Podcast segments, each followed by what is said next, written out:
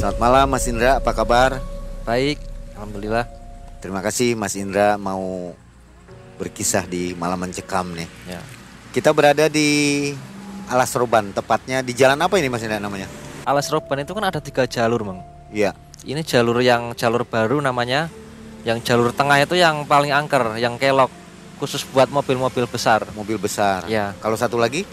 Kalau yang paling sana juga itu kan eh, jalur baru. Yang sana itu eh, dibikin belum lama sih. Yang paling sana selatan. Itu untuk jalan mobil besar. Mobil besar. Sama. Iya, kalau yang ini khusus mobil-mobil kecil Mobil kecil ya. sama kendaraan motor. Mobil besar dilarang lewat sini. nggak boleh ya. Saya dengar juga memang banyak kejadian-kejadian aneh, apalagi supir-supir truk ya Mas Indra. Iya. Itu betul ya? Iya, memang benar. Sering ada penampakan warung goib katanya. Iya. Oke, baik sobat malam mencekam. Di antara kisah-kisah itu, Mas Indra seorang warga dari Ya. Alas Roban akan menceritakan sebuah kisah nyata di tahun berapa Mas Indra? 2017. 2017. Jadi kejadian ini adalah ditumbalkan untuk pesugihan, begitu ya? Iya, benar. Mas Indra ini akan dijadikan tumbal pesugihan oleh mantan pacarnya. Iya. Gimana kisahnya nanti kita cari tahu ya. Mas Indra, aktivitas apa nih Aktivitas sekarang kerja di proyek di proyek? Uh-uh. Di mana? Daerah di mana? Alas Roban juga dekat. Alas Roban juga. Oh, masih daerah sini ya. Lalu katanya seorang YouTuber juga nih, Ya, nyambil konten juga YouTube. YouTube Ya, namanya Penjelajah Dua Alam. Penjelajah Dua Alam ya. Ya. Untuk sobat semua silahkan kepoin channelnya Mas Indra ya. Ya. Baik sobat malam mencekam, mudah-mudahan semua dalam keadaan sehat walafiat. Kita sama-sama mendengarkan kisah dari Mas Indra bersama Mang Ei dari Alas Roban. Ya. Gimana kisahnya Mas?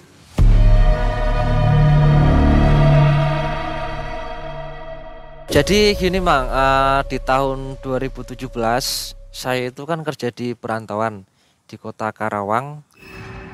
Jadi waktu itu saya punya pacar namanya si Nisa. Jadi saya eh, pas waktu eh, menjalanin hubungan itu agak sedikit bingung, Mang. Karena eh, yang pertama kan saya cuman kerja di proyek sedangkan dia itu orang kaya.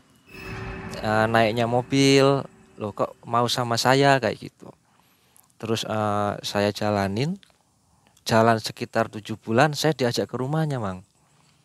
Lah, saya sampai situ kaget. Rumahnya tuh kan besar sekali, Mang. Nah, pas sampai situ, orang tuanya pun nyambut saya kayak terbuka gitu, Mang. Nyampe situ, saya eh, suruh duduk, diambilin minum, dijamu dengan baik kan. Terus diajak ngobrol, eh, dikasih minum kan, dianterin sama pembantunya itu. Nah kita ngobrol eh, lama lah, s- hampir satu jam. Lah habis itu kan eh, saya pengen ke kamar mandi mang, ke kamar mandi ke belakang kan, eh, terus ditunjukin sama pembantunya arah ke sana. Eh ternyata kok ada pintu buka sebelah kamar mandinya itu mang, kok baunya wangi, nah, kayak gitu. Terus saya eh, lihat kanan kiri, maksudnya kan takut nanti dikira nyuri ya mang ya? Saya diem-diem melihat itu mang. Jadi ada sebuah ruangan tapi nggak ada kasurnya itu mang. Kasur nggak ada adanya itu patung dua itu bentuk ular di tengahnya itu ada eh, kayak apa ya kayak eh, lingkaran itu banyak bunganya itu mang di situ. Nggak tahu itu saya eh, maksudnya buat apa saya nggak tahu. Belum curiga ya? ya sempat curiga sih masa kok ada ruangan kayak gini ada patung ular dua kok sempat curiga sih. Apa jangan-jangan pesugihan atau gimana? Tapi saya nggak mikir itu bang langsung eh, ada pembantunya eh, terus dia ngasih tahu mas mas itu yang lurus kayak gitu. Terus saya jalan lagi masuk ke kamar mandi. Terus habis dari kamar mandi udah eh, nggak punya pikiran saya mau diapain nggak. Terus lanjut duduk eh, sama pacar saya ngobrol kan di taman. Terus pulang. Saya diantar pulang ke tempat eh, kos-kosan saya. Nah habis itu eh, itu belum ngerasain apa-apa sih. Tapi eh, kayak ada yang, ada yang beda aja. Rasanya itu kayak sering cemas. Kadang mimpi eh, sering mimpi aneh-aneh itu bang jadi kalau setiap saya tidur biasanya kan saya kalau capek jam 9 malam aja udah tidur saya. Ini uh, jam 9 jam 10 itu sering gelisah. Kayak kayak gimana ya? Kayak cemas kayak gitu. Nah habis itu dari apa namanya dari orang tua saya kan sering nelpon karena saya uh, gara-gara pacaran sama si Nisa itu jarang pulang ke kampung itu bang biasanya kan uh, setiap tiga bulan sekali saya pulang ke kampung. Nah itu pas saya punya pacar si Nisa itu saya jadi nggak pernah pulang hampir setahun itu nggak pernah pulang bang nah, terus orang tua saya kan ibu saya itu telepon terus telepon kenapa nggak pulang? Saya alasannya kerja lembur nggak pernah libur kayak gitu. Setiap ditanyain sama orang tua saya itu saya langsung marah bang kadang uh, misalkan uh, telepon uh, teleponnya saya matiin. Kalau misal diangkat saya angkat saya omel-omelin itu. Orang padahal uh, sebelum saya pacaran sama si Nisa itu kan saya nggak nggak berani nggak nantang sama orang tua nggak berani. Nah pas uh, saya punya pacar si Nisa, setiap saya disuruh pulang, saya langsung marah, bang. Marah saya. Emosi bawa. Iya, emosi. Saya bentak-bentak itu ibu saya. Nggak mau. Saya mau di sini lagi kerja, kayak gitu. Nadanya tinggi, padahal saya nggak nggak pernah kayak gitu. Itu baru kali itu. Nah habis itu teman saya, ah, teman saya yang dari kampung itu kan satu kerjaan juga sama saya, bang nggak tahu mungkin uh, teman saya itu ngomong sama ibu saya karena uh, ibu saya itu tahu uh, saya punya pacar di perantauan kayak gitu. Habis itu ibu saya itu uh, nanya ke om saya. Om saya kebetulan kan spiritual. Uh, habis itu kata om saya itu saya mau dijadikan tumbal sama uh, ibu dari pacar saya. Itu saya nggak percaya waktu itu. Dijadikan tumal oleh orang tua orang Nisa. tua uh, orang tuanya si Nisa ya gitu tapi itu saya nggak mau pulang tetap nggak mau pulang. Istri dari kakak saya itu nyamperin saya ke perantauan itu bang. Ngecek ke sana nyuruh saya pulang. Katanya ibu saya sakit disuruh pulang. Terus akhirnya saya pulang bang. Pulang nyampe rumah ternyata ibu saya nggak sakit. Itu. Pas sampai rumah nah itu. Saya ditanyain kenapa nggak mau pulang? Gini uh, akhirnya saya ngomong semua ngomong ya saya punya pacar di sana. Punya pacar namanya si Nisa. Orang uh, itu bang. Orang.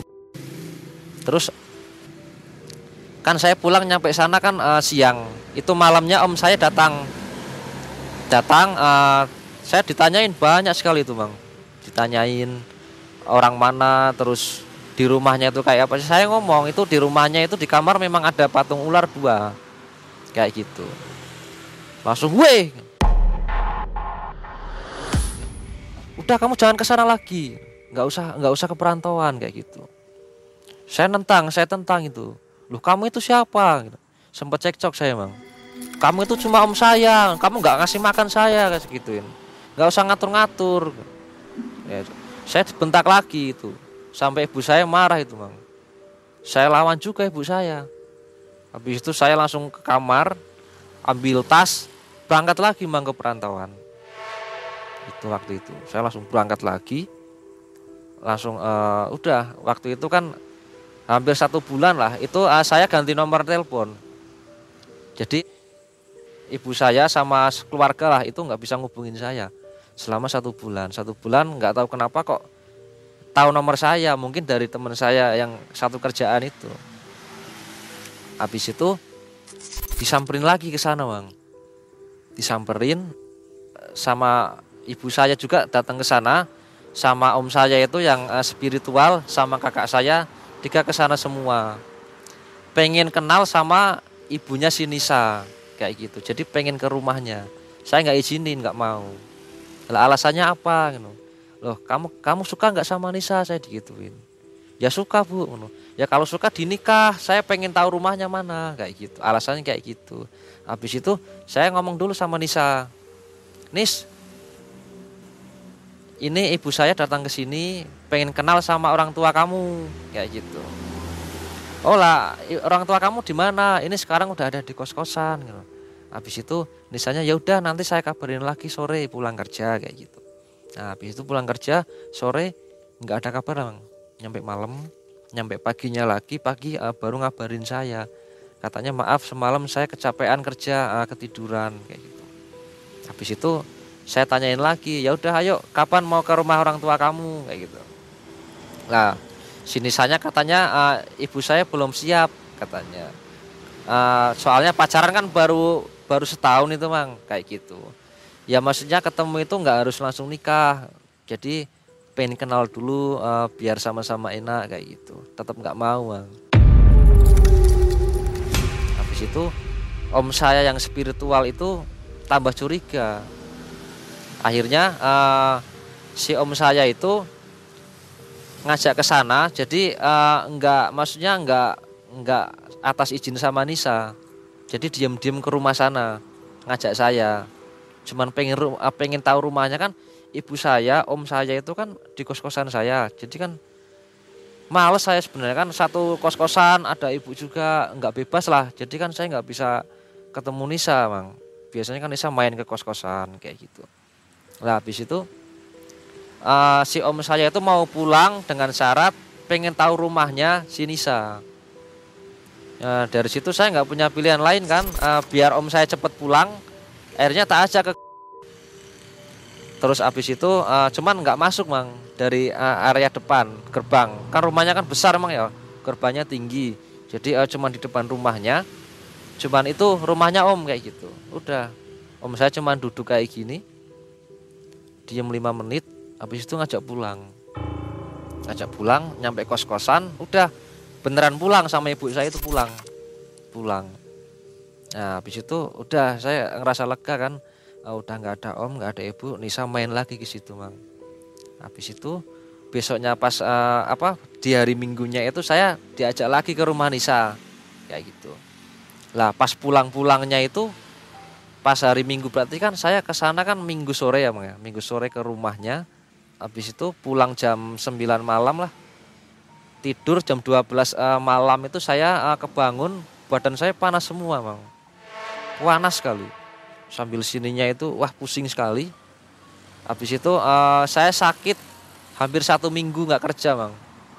Satu minggu nggak kerja uh, terus saya ngomong yang di rumah. Soalnya kan memang nggak ada yang ngurusin saya.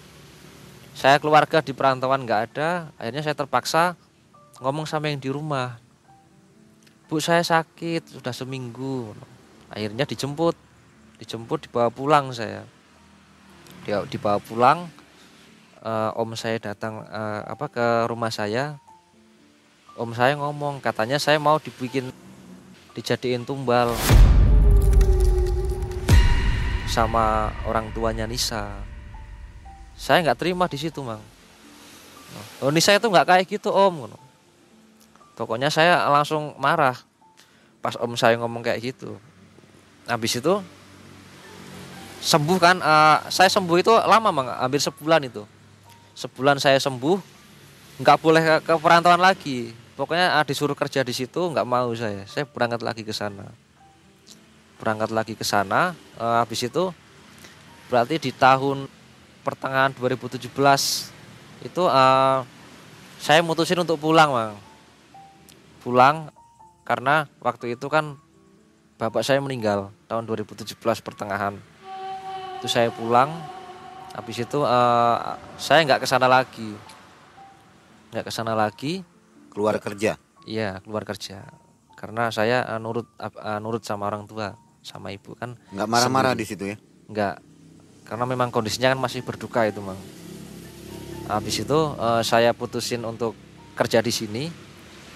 Tapi selama saya di kampung saya kan saya kan pulang uh, ke rumah saya kan daerah Alas Roban bang sampai situ rasanya itu kayak gelisah bang maksudnya kebayang-bayang wajahnya si Nisa itu loh.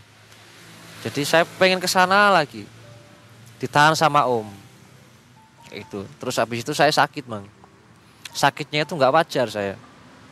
Jadi kayak badan itu tiba-tiba rasa panas. Pokoknya kalau uh, di jam 12 tepat 12 malam itu badan panas semua bang kayak disiram air panas loh tapi nggak ada lukanya kayak panas. Nanti kalau misalkan jam 12 lewat pokoknya kalau uh, mendekati jam 12 terus jam 1 itu hilang. Panasnya hilang kayak gitu. Aneh sakitnya itu aneh pokoknya. Kadang di sini uh, kayak ada yang nyekik. Pas tidur itu kayak ada yang nyekik. Kebayang-bayang itu kayak ada ular itu mang. Jadi pas saya tidur tiba-tiba kayak ada yang nyekik itu di depannya itu kayak ular itu loh mang kayak gini kayak mau makan saya gitu.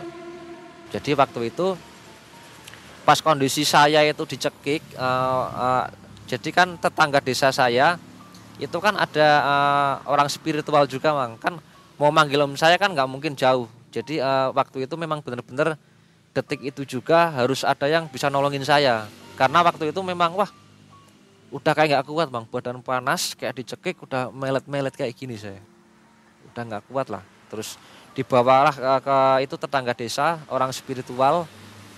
Di situ ditanganin saya. Habis itu uh, yang orang spiritualnya itu katanya ini yang yang gangguin saya itu kuat sekali mang. Energinya itu kuat sekali.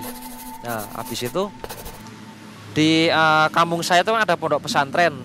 Jadi santrinya itu sekitar ada 50 orang lah itu disuruh ke rumahnya uh, orang spiritual itu mang disuruh uh, bantuin ngaji.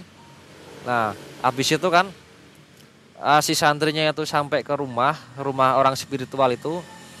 Di situ uh, ngaji bareng itu langsung ada kejadian aneh bang. Itu kan yang di rumah itu kan keluarga besar saya banyak ada tetangga saya juga ikut ke sana bang. Banyak lah pokoknya kalau kalau 80 orang adalah termasuk santri yang itu yang datang semua itu. 80-an orang itu di rumah itu. Uh, pas waktu santrinya datang ngaji bareng itu tiba-tiba genteng di atas itu pecah bang padahal itu nggak ada apa-apa. Genteng itu pecah nyata itu bang jatuh ke bawah. Jadi uh, satu orang bude saya ya bude saya namanya Siti itu lihat uh, ada sekelebatan kayak ekor ular bang besar warnanya hijau. Itu kayak gini. Uh, apa? Kena gentengnya itu. Habis itu gentengnya pecah. Lah di situ yang nolongin saya yang orang spiritual itu kayak kena serangan bang jadi mental. Saya misalkan tidur di sini yang yang nolongin saya duduk di sini itu mental bang kalau tiga meteran ada. Kayak ada yang dorong itu mental berat langsung muntah darah. Yang nolongin saya itu. Habis itu kayak nggak sadar jadi udah pegangin dada kayak gini sakit. Habis itu ibu saya panik. Telepon om saya itu yang di tiga suruh bawa ke sana bang berarti itu uh, kejadian itu pas sekitar hampir jam uh, jam 12 pas uh, mental itu bang muntah darah itu kan. Jadi di jam satunya tepat itu saya dibawa ke tiga jadi perjalanan uh, dari sini ke tiga itu harusnya kan tiga jam nyampe bang. Itu lima jam itu baru nyampe. Itu di setiap perjalanan terutama kan uh, dari alas roban ke Salatiga itu kan banyak sungai mang ya banyak jembatan-jembatan yang apa yang panjang. Itu terutama setiap melewati jembatan itu pasti ada rintangan. Kayak yang di sini uh, daerah hampir dekat Semarang ini dulu kan lewatnya Pantura makanya nggak lewat tol. Jadi pas mau uh, mendekati jembatan sebelahnya itu ada uh, Indomaret itu mang ya.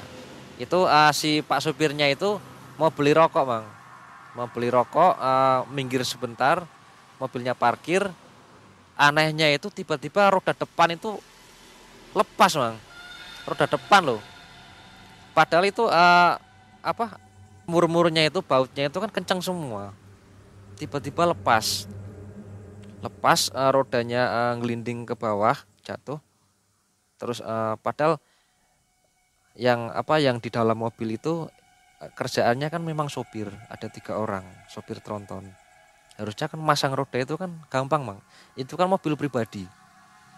Banyak diambil dipasang itu nggak ada yang bisa mang. Cuman masukin gini terus dipasang apa mur itu nggak ada yang bisa. Anehnya padahal tiga orang itu supir semua. Nah habis itu di apa dimasukin hampir setengah jam lah itu nggak ada yang bisa. Pada nyerah bang kayak pasrah lah. Habis itu dari belakang itu ada anak kecil yang nggak maksudnya oh, umuran 15 tahunan lah. Itu datang. Pak D ada apa? kayak gitu nanyain. Iki le ini rodanya kok nggak bisa dipasang oh coba lihat kayak gitu. Dilihat kayak gini.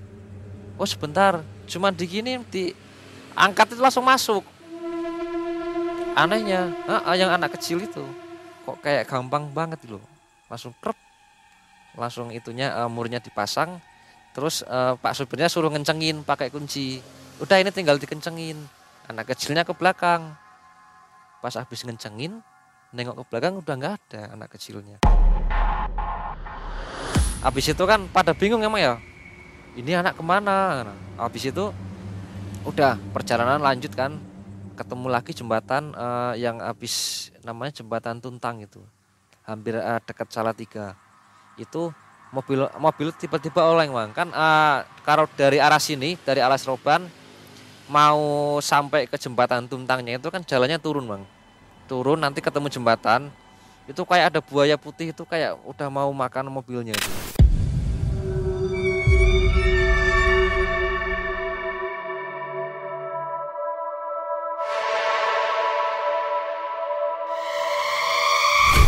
mobil itu dari sekitar jarak 200 meter itu udah oleng kayak gini. Mobilnya. Itu satu yang di dalam mobil kayak gini semua. Saya teriak-teriak. Jadi sebelah saya kan ibu saya. Yang di sini uh, kakak saya. Itu saya pegangin semua bang saya teriak-teriak weh awas! Jangan maju awas! Kayak gitu. Nah habis itu kenapa kenapa kenapa? Ada buaya di atas awas awas awas. Jadi kayak udah mau makan mobilnya itu satu keluarga mau dimakan. Nah habis itu pak sopirnya itu yang nyopir itu langsung ngerem mendadak. Set. Untung yang dari belakang itu nggak nabrak bang di belakang juga banyak mobil kan? Nah, habis itu mobilnya berhenti di tengah jalan. Misalkan jalan segini kan? Berhentinya di tengah-tengah itu. Mobil berhenti saya teriak-teriak. Di sebelahnya itu kan ada uh, kayak angkringan gitu ya. Uh, angkringan itu orang-orang pada ngopi itu datang semua uh, nyamperin ke mobil saya itu kan. Ada apa ada apa kayak gitu. Ada buaya was ada buaya saya kayak gitu. Mana mana terus uh, ibu saya jelasin ke bapak-bapak yang tadi di angkringan itu kan Pak ini lagi kesurupan mau dibawa ke sana. Habis itu salah satu dari bapak-bapak yang uh, di angkringan itu kebetulan ada yang bisa lah masalah spiritual kayak gitu. Terus nggak tahu dia berdiri di uh, depan mobil kayak nggak tahu lah kayak gini-gini tangannya kayak gini-gini bang. Nah, habis itu udah pak monggo. Dilanjut perjalanannya kayak gitu. Terus saya dikasih minum. Saya uh, uh, sedikit tenang itu bang. Saya tenang terus habis itu nggak nggak berontak lagi lah nggak ketakutan. Terus lanjut perjalanan. Lanjut perjalanan uh, habis itu sampailah ke rumah om saya. Habis itu saya ditangan di sana pakai maksudnya uh, nanyain yang ada di dalam saya itu loh bang. Yang ngerasukin saya itu. Jadi saya setengah sadar setengah enggak ditanyain itu. Kue sopo terus abis itu saya kayak kayak ngelawan dulu bang. Apa kowe? Ngono. Kayak gitu. Jadi langsung jadi om saya tuh kayak nggak tahu lah kayak baca apa sih baca apa itu tiba-tiba badan saya tuh panas sekali bang. Panas habis itu saya bangun itu di dalam rumah itu kan uh, seisi rumah itu bang ya ada piring ada lemari tak ambrukin semua itu bang ngamuk saya kan dipegangin banyak orang saya di situ. Jadi om saya bule sama kakak saya pegangin, saya giniin semua itu nggak ada yang kuat. Nah, jadi lemari, kulkas, uh, apa jendela itu hancur semua satu rumah bang. Habis saya hancurin, saya lari ke kebun. Jadi dikejar sama orang-orang itu sama uh, keluarga saya kan. Saya masuk ke hutan. Habis itu kayak setengah sadar kayak enggak uh, jadi kayak nantang-nantang. Jadi kan di kebun itu kayak ada batu besar itu bang ya. Ada batu besar. Jadi uh, batu besar itu saya kata-katain sendiri. Weh siapa kue kayak gitu. Kayak nantang-nantang gitu habis itu om saya datang dari belakang tak tantangin juga. Kue maju sisan kue maju sisan. Tak suruh maju semua habis itu udah. Kayak kayak apa namanya? Kayak adu ilmu eh, tenaga dalam itu loh bang. Jadi kayak perang di situ. Yang di batunya juga sama. Jadi batunya itu kayak ngeluarin asap itu bang. Batu yang tadi saya kata-katain itu eh, kayak muncul asap jadi kayak bentuk kayak ada bentuknya kayak orang itu bang. Nah, habis itu saya kayak dicekik dicekik kayak gini kan saya langsung guling-guling terus om saya jadi saya yang nyerang saya itu yang ada di batu itu bang. Kayak asap itu muncul habis saya guling-guling saya samperin sama om. Dibacain uh, ayat kursi kan habis itu saya sadar sadar kan nggak bisa apa-apa dibawa ke rumah saya dibawa ke rumah. Habis itu udah sekitar hampir subuh lah. Pokoknya itu saya bangun-bangun itu udah subuh bang udah subuh uh, terus saya bangun udah udah terang ya. Habis itu saya ditanya itu nggak tahu. Uh, semalam saya sama om saya adu tenaga dalam itu saya kayak mimpi tapi gimana ya? Ini beneran apa mimpi kayak gitu loh soalnya kejadiannya aneh. Saya besoknya uh, paginya itu ditanyain lagi sama om. Kamu sama Nisa sekarang gimana? Kayak gitu. Udah enggak om. Itu pas semenjak bapak saya nggak ada udah nggak sama Nisa kayak gitu. Loh kamu tahu nggak ibunya si Nisa? Itu si Nisa itu orang tuanya itu pesugihan kamu mau ditumbal Indra kayak gitu. Tapi pas di situ saya ngomong iya iya aja nggak langsung percaya uh, kalau orang tuanya Nisa itu kayak gitu. Saya uh, pas pulang kan uh, pas di rumah om saya kan saya udah sadar itu. Pas kesurupannya sudah sadar di tangan sama om saya dikasih gelang ini ini gelang ini ini dari om saya ini. Dikasih gelang katanya disuruh pakai buat netralisir e, misalkan ada serangan itu nanti mental kata om saya sih sampai sekarang masih saya pakai habis itu saya pulang ke ke rumah sudah sembuh. Saya diem-diem berangkat lagi ke sana. Pengen memastikan itu benar nggak sih orang tuanya Nisa itu? Pesugihan kayak gitu. Jadi saya berangkat ke perantauan lagi itu si Nisa nggak tahu mang. Saya nggak ngomong. Sama orang tua pun saya nggak ngomong balik lagi ke Karawang. Saya ngomongnya ke kota lain. Kayak gitu. Saya pengen ngerantau lagi lah. Masa udah gede e, mau nikah kok belum kerja. Saya alasannya kayak gitu. Habis itu saya tapi nggak ngomong ke ke sana lagi. Padahal saya ke sana lagi mang saya ke sana lagi saya cari kerja dapat kerjaan. Habis itu saya nyelidikin ke itu. Ternyata eh si Nisa itu punya pacar lagi mang pas Nisa waktu si Nisa pulang ke rumah ke, sama pacar barunya itu saya ikutin tuh bang ikutin sampai rumah saya di luar di luar ah, di luar seberang eh, rumah Nisa itu kan ada warung. Jadi saya di dalam warung uh, sambil uh, ngawasin itu pacar barunya si Nisa itu. Habis itu selang nggak lama sih tiga bulanan lah. Tiga bulan itu saya dapat kabar pacarnya si Nisa itu pacar barunya itu meninggal mang. Kecelakaan uh, pas dari rumahnya mau menuju ke rumah Nisa perjalanan itu kecelakaan meninggal dunia. Kan saya Facebooknya kan berteman sama si Nisa kayak gitu. Jadi ada yang apa namanya dari salah satu temannya si Nisa itu ada yang ngunggah uh, kecelakaannya itu.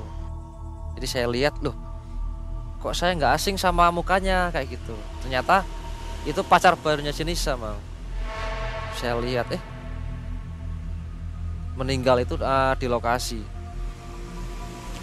habis itu uh, saya uh, cari tahu kan saya cari tahu ke rumahnya maksudnya biar lebih tahu kan dari tetangga tetangganya saya uh, di situ uh, nanya sama tetangganya tetangga maksudnya nggak cuman tetangga satu jadi tetangga yang ini yang ini saya tanyain semua kan. Maksudnya banyak yang ngomong katanya orang tuanya si Nisa itu pesugihan pesugihan uh, di pantai selatan di setiap malam satu suro itu orang tuanya sini saya itu nggak pernah di rumah. Jadi dia datang ke pantai selatan gitu. Nah, habis itu pas bertepatan di malam satu suro saya ke rumah uh, orang tuanya Sinisa pas waktu mobilnya keluar saya ikutin bang. Saya ikutin saya pakai motor kan pakai helm pakai uh, masker. Nisanya tapi Nisa nggak ikut bang jadi cuman orang tuanya uh, bapaknya sama ibunya itu uh, keluar pakai mobil saya ikutin. Saya ikutin. Terus itu uh, ternyata sampai ke pantai pas sampai ke lokasinya pantai itu menjelang maghrib orang tuanya si Nisa itu ke warung makan uh, makan di sana. Saya uh, intai dari jauh. Habis itu pas menjelang mau jam 9 itu nggak tahu ada bawa koper segini mang ya? Nggak besar lah segini lah. Itu uh, dibawa kemudian dia menuju ke arah apa sisir pantai. Pinggir pantai habis itu duduk. Uh, nggak tahu sih nggak ngapain karena saya kan uh, mantaunya dari jauh emang ya?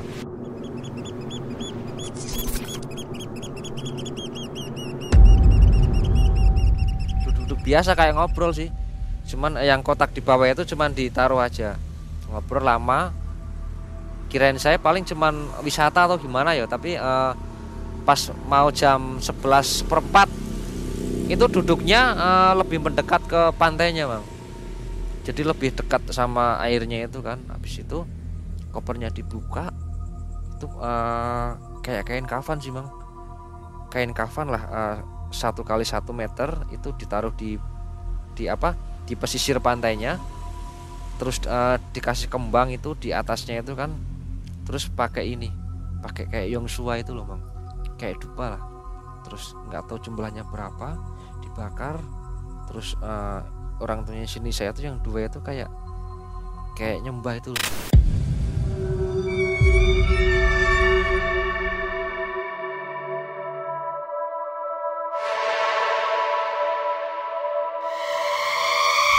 Arah pantainya. Saya posisinya jauh mang. Uh, sekitar kalau 20 meteran adalah soalnya kan memang itu tempatnya los itu mang. Jadi kalau saya mendekat takutnya lihat. Karena ibunya sini saya itu pernah lihat saya mang. Takutnya ketahuan. Pantai jadi, itu sepi ya? Sepi. Jadi saya sa lumayan jauh lah. Tapi saya lihat mang. Lihat yang yang dibawa apa itu masih kelihatan. Kayak kan soalnya kan ada penerangan. Pas mau ngeluarin tuh kan di center jadi saya dari jauh itu masih kelihatan. Bis itu kan di area situ kan ada kuncen. Kuncen itu berarti kan kayak juru kunci. Nah, saya nanya sama kuncinya itu pak itu kalau di pinggir pantai kalau bawa kayak gituan itu lagi apa pak? Kayak gitu. Itu lagi persembahan atau gimana? Kayak gitu. Lah tujuannya buat apa pak? Ya maksudnya kayak nyembah uh, minta pesugihan kayak gitu mah nah habis dari situ saya kaget mah oh berarti yang dulu om ngomong sama saya itu bener kayak gitu. Nah habis itu udah saya langsung pulang mah nggak nungguin orang tuanya Nisa kelar ritual tuh nggak. Langsung pulang saya ke kosan dulu kan ke kosan saya dulu nyiapin pakaian. Jadi saya pengen ketemu saya om om saya waktu itu. Uh, bahwa yang diomongin om saya itu benar. Saya ke kosan bawa pakaian bawa tas pulang. Pulang dari Karawang. Lah pas sampai uh, Cirebon itu bang uh, itu saya kecelakaan bang di situ.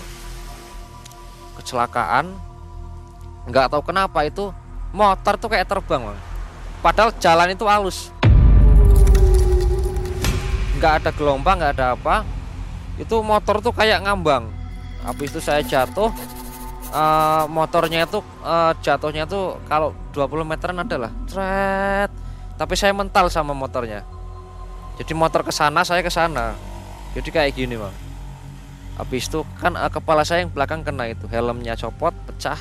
Kepala saya yang belakang benturan pertama itu helmnya bang. Dak habis itu saya jatuh bangun saya di tengah jalan. Pas pertama jatuh itu sadar saya bangun kayak gini. Bangun tiba-tiba mata saya kayak kayak gelap gelap gelap gelap pet. Saya langsung letak mang letak bangun-bangun itu saya sudah ada di dalam warung. Itu yang nolongin saya waktu itu uh, yang punya warung warteg warung tegal. Di sebelahnya itu kan ada warung. Nah, itu saya bangun sadar dikasih minum sama bapak-bapak yang di warung itu. Disuruh minum. Habis itu cuman dikasih tahu mas kalau lewat sini hati-hati mas. Ini memang sering hampir setiap hari ada kecelakaan katanya bang. Itu memang rawan di situ. Saya pengen langsung pulang bang. Jadi kan waktu itu waktu itu saya kan panik sekali. Takut lah campur aduk. Ini saya berarti bener mau jadiin tumbal sama orang tuanya Nisa. Habis itu saya uh, pengen cepet-cepet pulang nggak boleh sama bapak-bapak yang punya warteg mas jangan. Itu uh, masih darah semua motornya kan juga hancur itu bang. Depannya itu pecah semua kan. Lampu juga mati depan. Posisi itu pas uh, saya hampir menjelang maghrib lah kecelakaan. Terus habis isa jam delapanan itu saya paksain untuk pulang bang. Posisi motor nggak ada lampu depan. Jadi memang benar-benar gelap. Dari Tegal ke rumah saya Alas Roban Batang itu kan masih jauh bang. Kalau perjalanan ya sekitar lima jaman lah masih jauh uh. Padahal uh, dari Tegal uh, menuju ke rumah saya Batang Alas Roban itu kurang lebih lima jam naik motor. Dari sana itu kan kondisi saya masih ini darah semua, Bang. luka-luka uh, di kaki, di tangan juga masih banyak darah. Terus di sini agak sedikit ini kan uh, pusing bekas benturan sama aspal. Kondisi motor juga lampu depan itu mati, Bang. Jadi benar-benar gelap uh, pas saya jalan naik motor itu cuma ngandelin yang di depan saya. Misalkan ada motor saya ngikutin. Jadi penerangannya itu dari yang di depan saya. Kadang ngikutin mobil. Jadi modal nekat kondisi badan sakit motor nggak ada lampu saya nekat mang. Nekat untuk pulang kan. Alhamdulillah tapi nyampe rumah saya mang. sampai rumah uh, saya langsung ketok-ketok pintu dibukain pintu sama uh, ibu saya. Langsung ibu saya shock. Eh kamu kenapa? kayak gitu. Saya mau ngomong bu kenapa kenapa? habis itu bu saya mau jujur ada apa? Yang dulu itu pacar saya namanya Nisa masih ingat nggak bu? Ya kenapa? itu ternyata benar kata om uh, pesugihan saya selama ini uh, sebenarnya kerja di sana lagi bu. Buat nyelidikin karena saya uh, sampai sekarang masih suka sama Nisa kayak gitu. Terus habis itu uh, om saya besoknya siangnya ke rumah saya yaitu maksudnya saya minta maaf sama om minta maaf sama ibu. Uh, dulu pas waktu saya pacaran sama Nisa sempat nentang lah saya jadi berani sama orang tua gara-gara pacaran sama Nisa. Kayak gitu. Jadi nyesel saya bang. Setelah tahu orang tuanya memang melakukan pesugihan iya. masih ada gangguan nggak? Masih. Tetap ya? Masih ada. Gimana cara menolaknya? Itu pokoknya kalau setiap saya tidur itu bang. Biasanya kan pokoknya kayak gelisah kayak ada tipe-tipe yang muncul kayak mau nyekik saya gitu bang. Gitu. sampai berapa lama itu? Sampai waktu itu pas saya udah putus saya datang lagi ke perantauan lagi itu itu masih mang. Saya juga maksudnya nggak kepikiran kalau ini ulahnya si orang tuanya Nisa. Sampai waktu saya ngikutin ke pantai itu kan itu masih mang. Jadi eh, kebayang-bayang kayak ada yang mau nyekik saya itu. Jadi diobati oleh om ya? Sama om saya. Gitu. Apa kata om? Berantem dengan apa gitu pertarungannya seperti apa?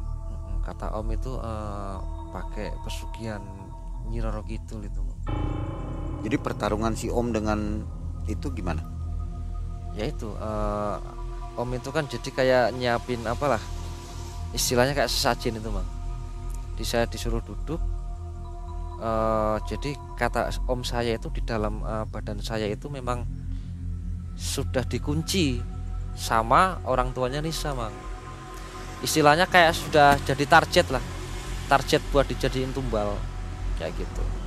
Jadi mau dilepasin sama om saya. Kayak gitu.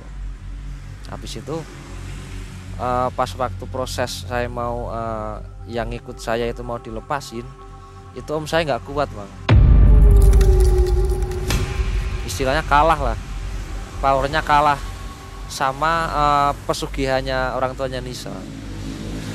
Habis itu saya dibawa pulang uh, akhirnya kan orang tua saya kan kasihan kan sama saya kan. Bang saya diajak ke orang lain lah.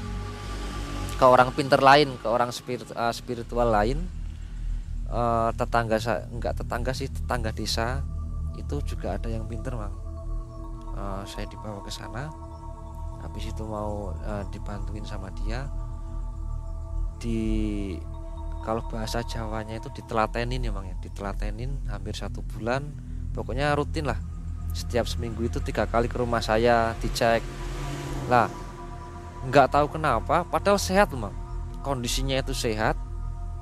Siangnya itu masih jualan di pasar bang kan uh, yang nolongin saya tetangga desa itu kan kalau pagi kan jualan di pasar. Pagi sampai siang itu sehat bang sorenya itu langsung meninggal nggak nggak ada sebab nggak tahu. Maksudnya dicek secara medis pun kan kalau meninggal dadakan kayak serangan jantung mungkin kan bang itu nggak nggak nggak ada penyakitnya bang tiba-tiba tiba-tiba meninggal aja. Yaitu uh, banyak yang ngomong disangkut-sangkutin karena uh, bantuin saya bang kena dampaknya. Jadi yang bantuin saya waktu itu uh, selain om saya itu kan ada empat orang. Jadi om saya itu istilahnya nggak kuat yang satu meninggal yang tiga ini menyerah bang. kalau yang satu meninggal itu terus selama satu bulan dalam satu minggu kan rutin tiga kali satu bulan itu meninggal.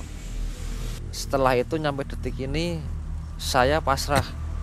Istilahnya kalau mau meninggal ya udah kalau berarti ini memang sudah jadi jalan saya.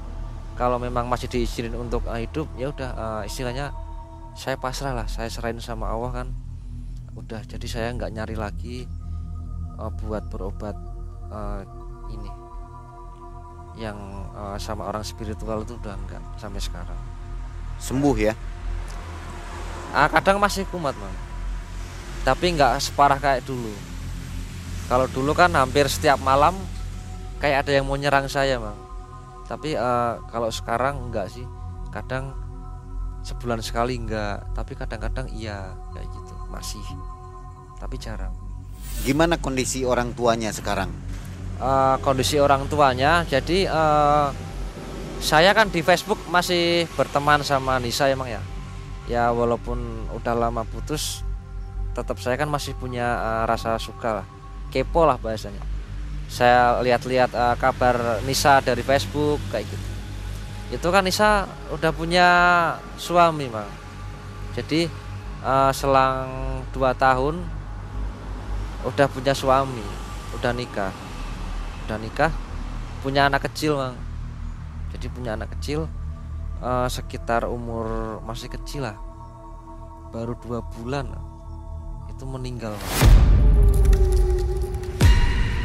Nah, itu kan di Facebook kan itu kan saya baca komen-komenan itu kan. Nah, anaknya sini saya itu baru dua bulan nikah itu sudah meninggal.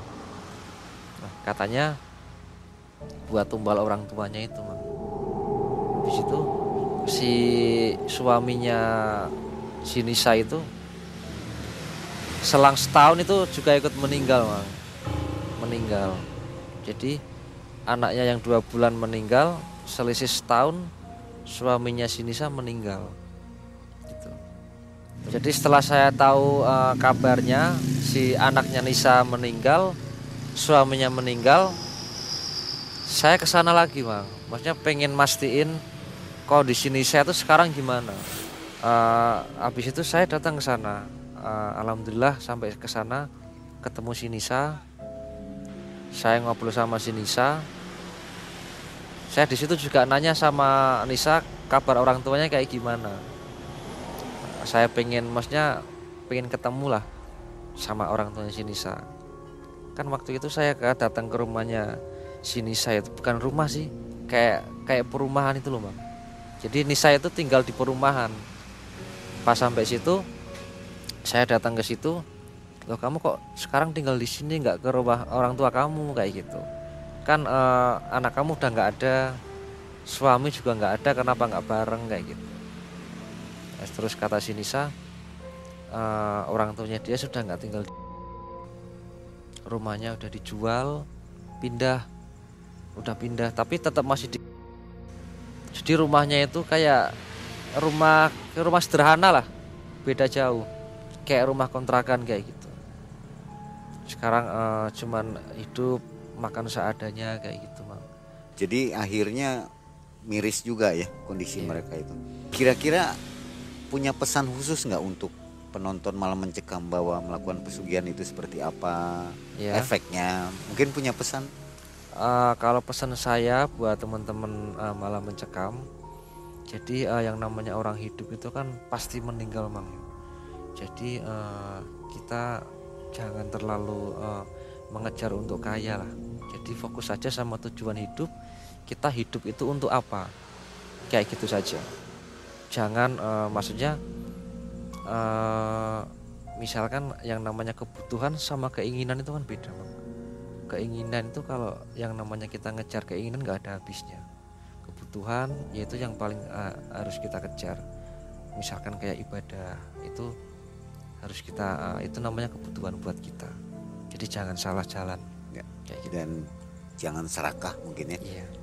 Seperti orang tuanya Nisa jadi ambil iya. jalan pintas iya pengen kaya tapi padahal uh, yang namanya harta kan nggak dibawa mati betul nah sobat malam mencekam itulah kisah yang sangat penuh dengan penderitaan di Mas Indra ya sampai-sampai harus mengorbankan pekerjaannya. Iya. Sampai nganggur ya itu. Nganggur. Nganggur kembali waktu iya. itu. Ya. Mudah-mudahan dari kisah ini kita bisa ambil hikmahnya, pembelajaran supaya kepada orang-orang yang akan melakukan pesugihan jangan dilakukan iya. Karena efeknya juga sangat iya. berbahaya. Dari Alas Roban, Mang dan tim undur diri. Terima kasih Mas Indra atas kisah ini. Mudah-mudahan kita selamat dan dijauhkan dari segala gangguan-gangguan goib. Ya. Terima kasih. Assalamualaikum warahmatullahi wabarakatuh.